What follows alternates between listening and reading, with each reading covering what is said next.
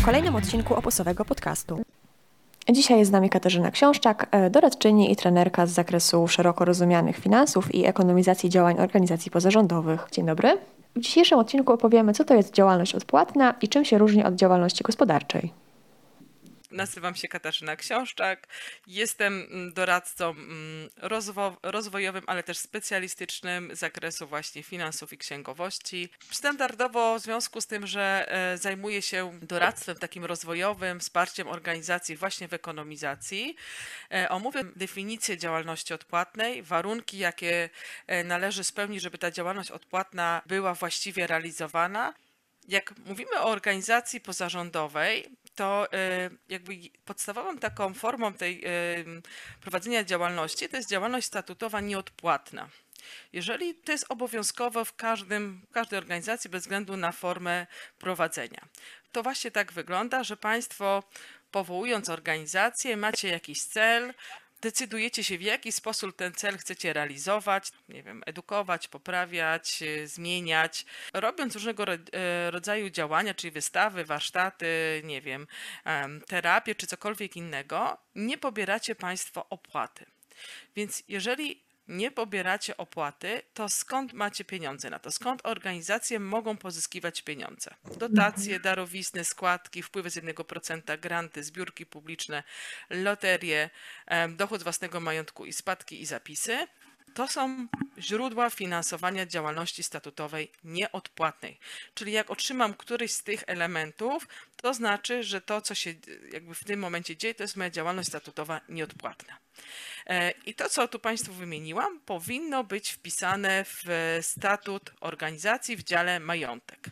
Dotacja to są pieniądze, które otrzymuje czy z Urzędu Miasta, czy nie wiem, e, z ministerstwa na zrealizowanie konkretnego działania. W zależności oczywiście jak, gdzie, ale czasem to rzeczywiście bywa trudne. Się może okazać, że w danym roku się Państwu nie uda takiego konkursu wygrać. Darowizna, no to są to pieniądze, które ktoś ujęty naszym, tak, naszą działalnością statutową zdecyduje nam się przekazać. Składki członkowskie, no to jest to e, tak, jakaś tam symboliczna opłata i tylko w stowarzyszeniach.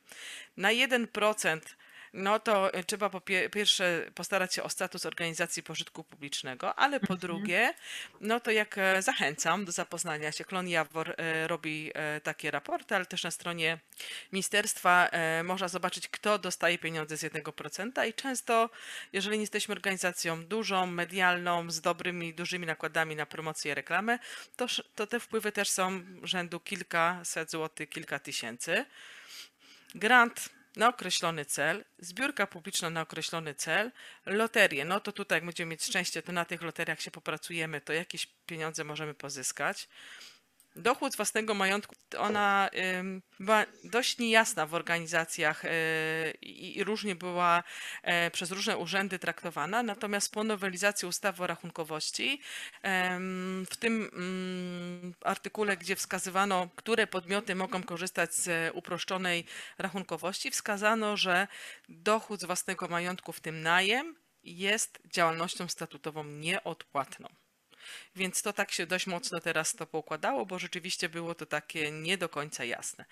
E, więc jak Państwo wynajmiecie sprzęt, tak, wynajmiecie lokal, bank dopisze Wam 5 groszy odsetek na, na, e, od zgromadzonych środków, albo na przykład sprzedacie niepotrzebne biurko, czy nie wiem, zbędną szafę, to jest to dochód z własnego majątku. To jest e, taka opcja. No i jeszcze mogą być, nie wiem, spadki, zapisy, ale to już jest naprawdę rzadkość. Więc nagle się okazywało, że organizacje, jak się tak przeanalizowało te możliwości, nie wygrały grantu. Nie udało się zdobyć dotacji, nikt nie chce wpłacić darowizny i nagle organizacja mówi, no dobra, to ja gaszę światło, kończę, nic więcej z tym zrobić nie mogę, za rok spróbujemy złożyć kolejne e, oferty na kolejne dotacje i granty. No i żeby zapobiec takim działaniom, w 2003 roku w ustawie o działalności pożytku publicznego i wolontariacie wprowadzono możliwość pobierania opłaty za działalność statutową.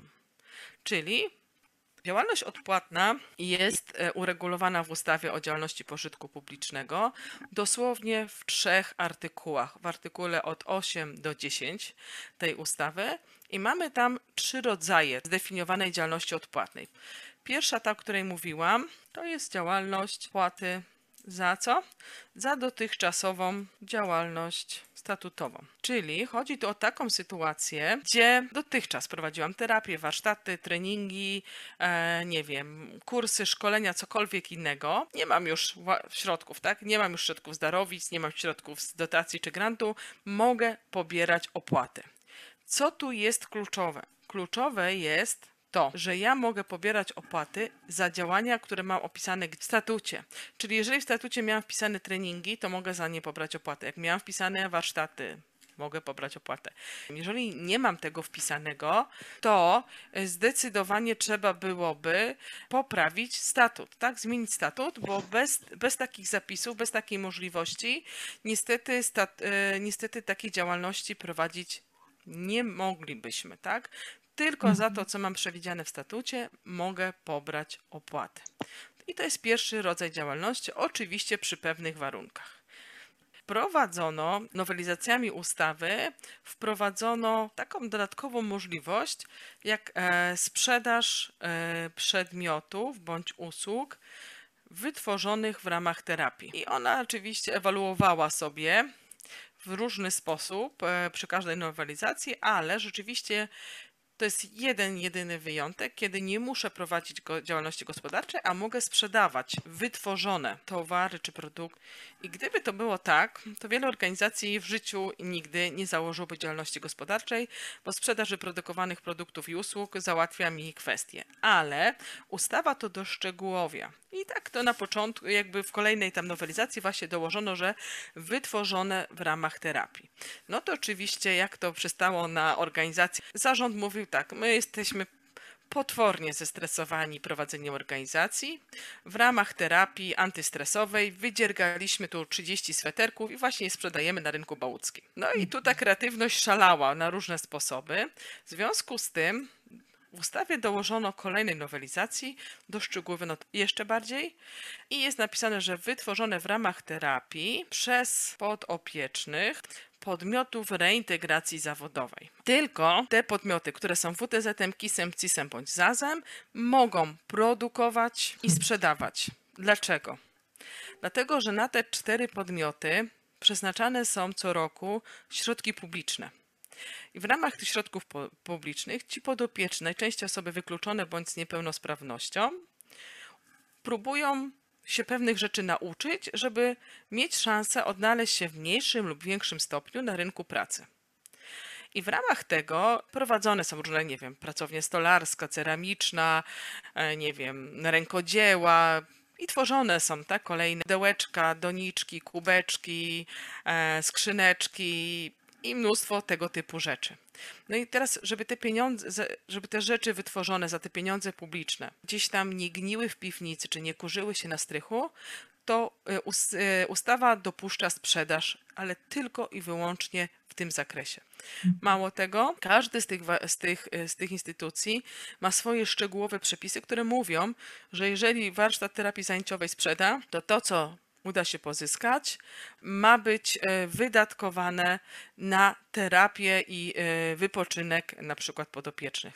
Klub Integracji Społecznej CIS też ma swoje szczegółowe zapisy, które mówią, co trzeba zrobić. Tak? Czyli to jest dedykowane konkretnym, konkretnym podmiotom i tu jakiejś specjalnej dużej dowolności nie mamy. Jest jeszcze trzeci, najbardziej ulubiony przeze mnie i też się obiecująco zaczyna, ponieważ mamy sprzedaż przedmiotów. Też brzmi dobrze, ale darowizny.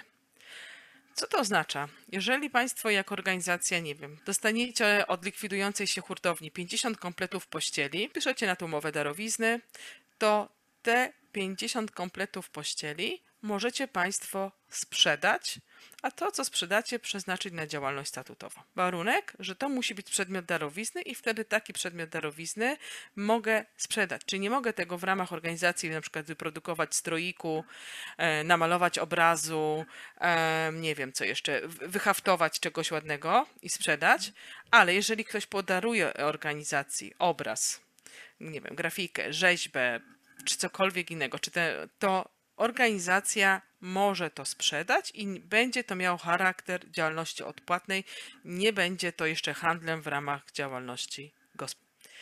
Zdefiniowaliśmy sobie trzy rodzaje działalności, Ale te rodzaje działalności wymagają też od państwa spełnienia trzech warunków. Mamy trzy warunki ustawowe, trzy, które muszą być spełnione łącznie. Pierwszy, w praktyce naprawdę najtrudniejszy, zakaz zysku.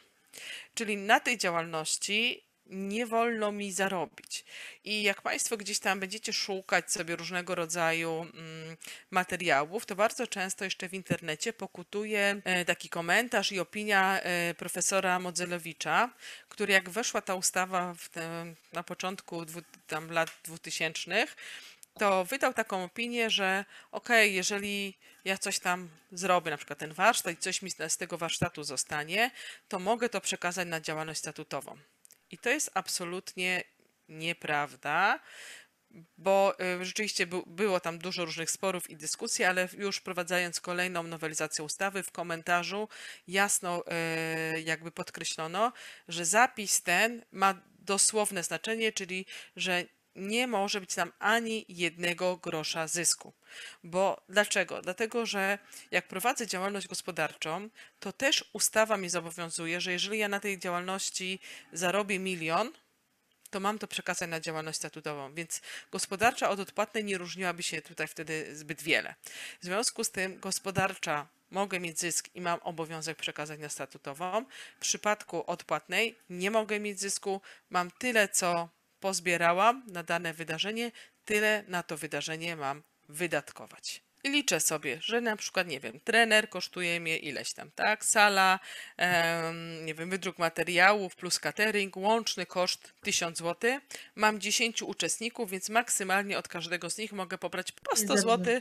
Nie wolno mi pobrać więcej. Przy tym przykładzie z warsztatem dość prosta rzecz do sprawdzenia, bo wcześniej sobie e, ustalę ile trener, ile sala, ile materiały, wiem ile uczestników i teoretycznie jestem w stanie sobie taką równowagę zaplanować i wykonać. Ale teraz proszę wyobrazić sobie taką sytuację, że jestem organizacją, która dostała w spadku przepiękne stroje rycerskie i w ramach tego y, co jakiś czas jadę robić pokaz. No i poprosiło mnie przedszkole o zrobienie pokazu. Powiedzieli, mamy tam w budżecie 3000, zróbcie nam fajne show rycerskie. Przyjeżdżacie, robicie show rycerskie. To jest przychód 3000, a co jest kosztem? Jak Państwo zastanowilibyście się, to ten obóz, warsztaty, terapię czy cokolwiek innego byście Państwo nie chcieli prowadzić, nie zadziałby się bez przeprowadzenia promocji, tak? Poprzez y, poprowadzenie naboru, tak? Poprzez obsługę księgową, poprzez to, że Państwo macie internet i mogliście znaleźć jakieś fajne y, miejsce. Musieliście obdzwonić milion rzeczy, czyli musieliście oprócz tych bezpośrednich kosztów ponieść koszty takie administracyjne pośrednie. Wynagrodzenie osób zatrudnionych w ramach odpłatnej musi być mniejsze niż trzykrotna średnia krajowa brutto. Około 13 tysięcy złotych załóżmy, tak już zakrąglając. Miesięcznie dana osoba nie może zarobić. Czy to bez względu na to, czy to będzie umowa o pracę, umowa zlecenie, umowa o dzieło, czy nie wiem, czy prowadzę jednoosobowo działalność, nikogo nie zatrudnia. Często lekceważymy ten drugi punkt, mówimy, dobra, kto tyle zarabia, tak? Na mhm. miesiąc w organizacji jeszcze. Ale, ale e, no właśnie takie gościnne występy e, przy organizacji koncertu już powodują, e, tak jakby powodują taki kłopot, że niestety ta działalność przestaje być działalnością odpłatną. No to jeszcze trzeci najprostszy warunek, chociaż może wyglądać jakoś e, trudno, to jest wyodrębnienie księgowe. Co oznacza, że muszę mieć wyodrębnione konto i nie bankowe, tylko księgowe po stronie kosztów i przychodów, po to, żeby wiedzieć, ile mi w danym momencie wpłynęło i ile wydatkowałam, i czy jako organizacja tą równowagę zachowałam, tak? Czy ta szaleczka mi się z tymi kosztami i przychodami spotkała. I to są trzy warunki ustawowe, które musimy spełnić łącznie, żeby działalność odpłatna była prowadzona w sposób prawidłowy. One naprawdę muszą być spełnione i, i to, co tutaj też jest szczególnie trudne, to niestety sytuacja jest taka, że właśnie dopiero te problemy pojawiają się, jak przychodzi kontrola dotacji na miejscu, a te instytucje wtedy nie mają jakby żadnej drogi, żadnego innego ruchu, jak tylko wezwać państwa do wpisania się do karesu przedsiębiorców i zrobienia całej tej procedury. A procedura jest dość spora. zawsze e, skutek złamania któregoś z tych trzech elementów jest taki sam, że w tym dniu, od tego dnia, tak, w którym nabroiłam, za dużo zapłaciłam, albo zarobiłam, albo nie wyodrębniłam księgowo, to od tego dnia organizacja rozpoczyna prowadzenie działalności gospodarczej, czyli na zarządzie organizacji ciąży obowiązek, żeby uruchomić procedury do wpisu do KRS-u przedsiębiorców. Główny skutek jest taki, że ta działalność niestety stanie się działalnością gospodarczą.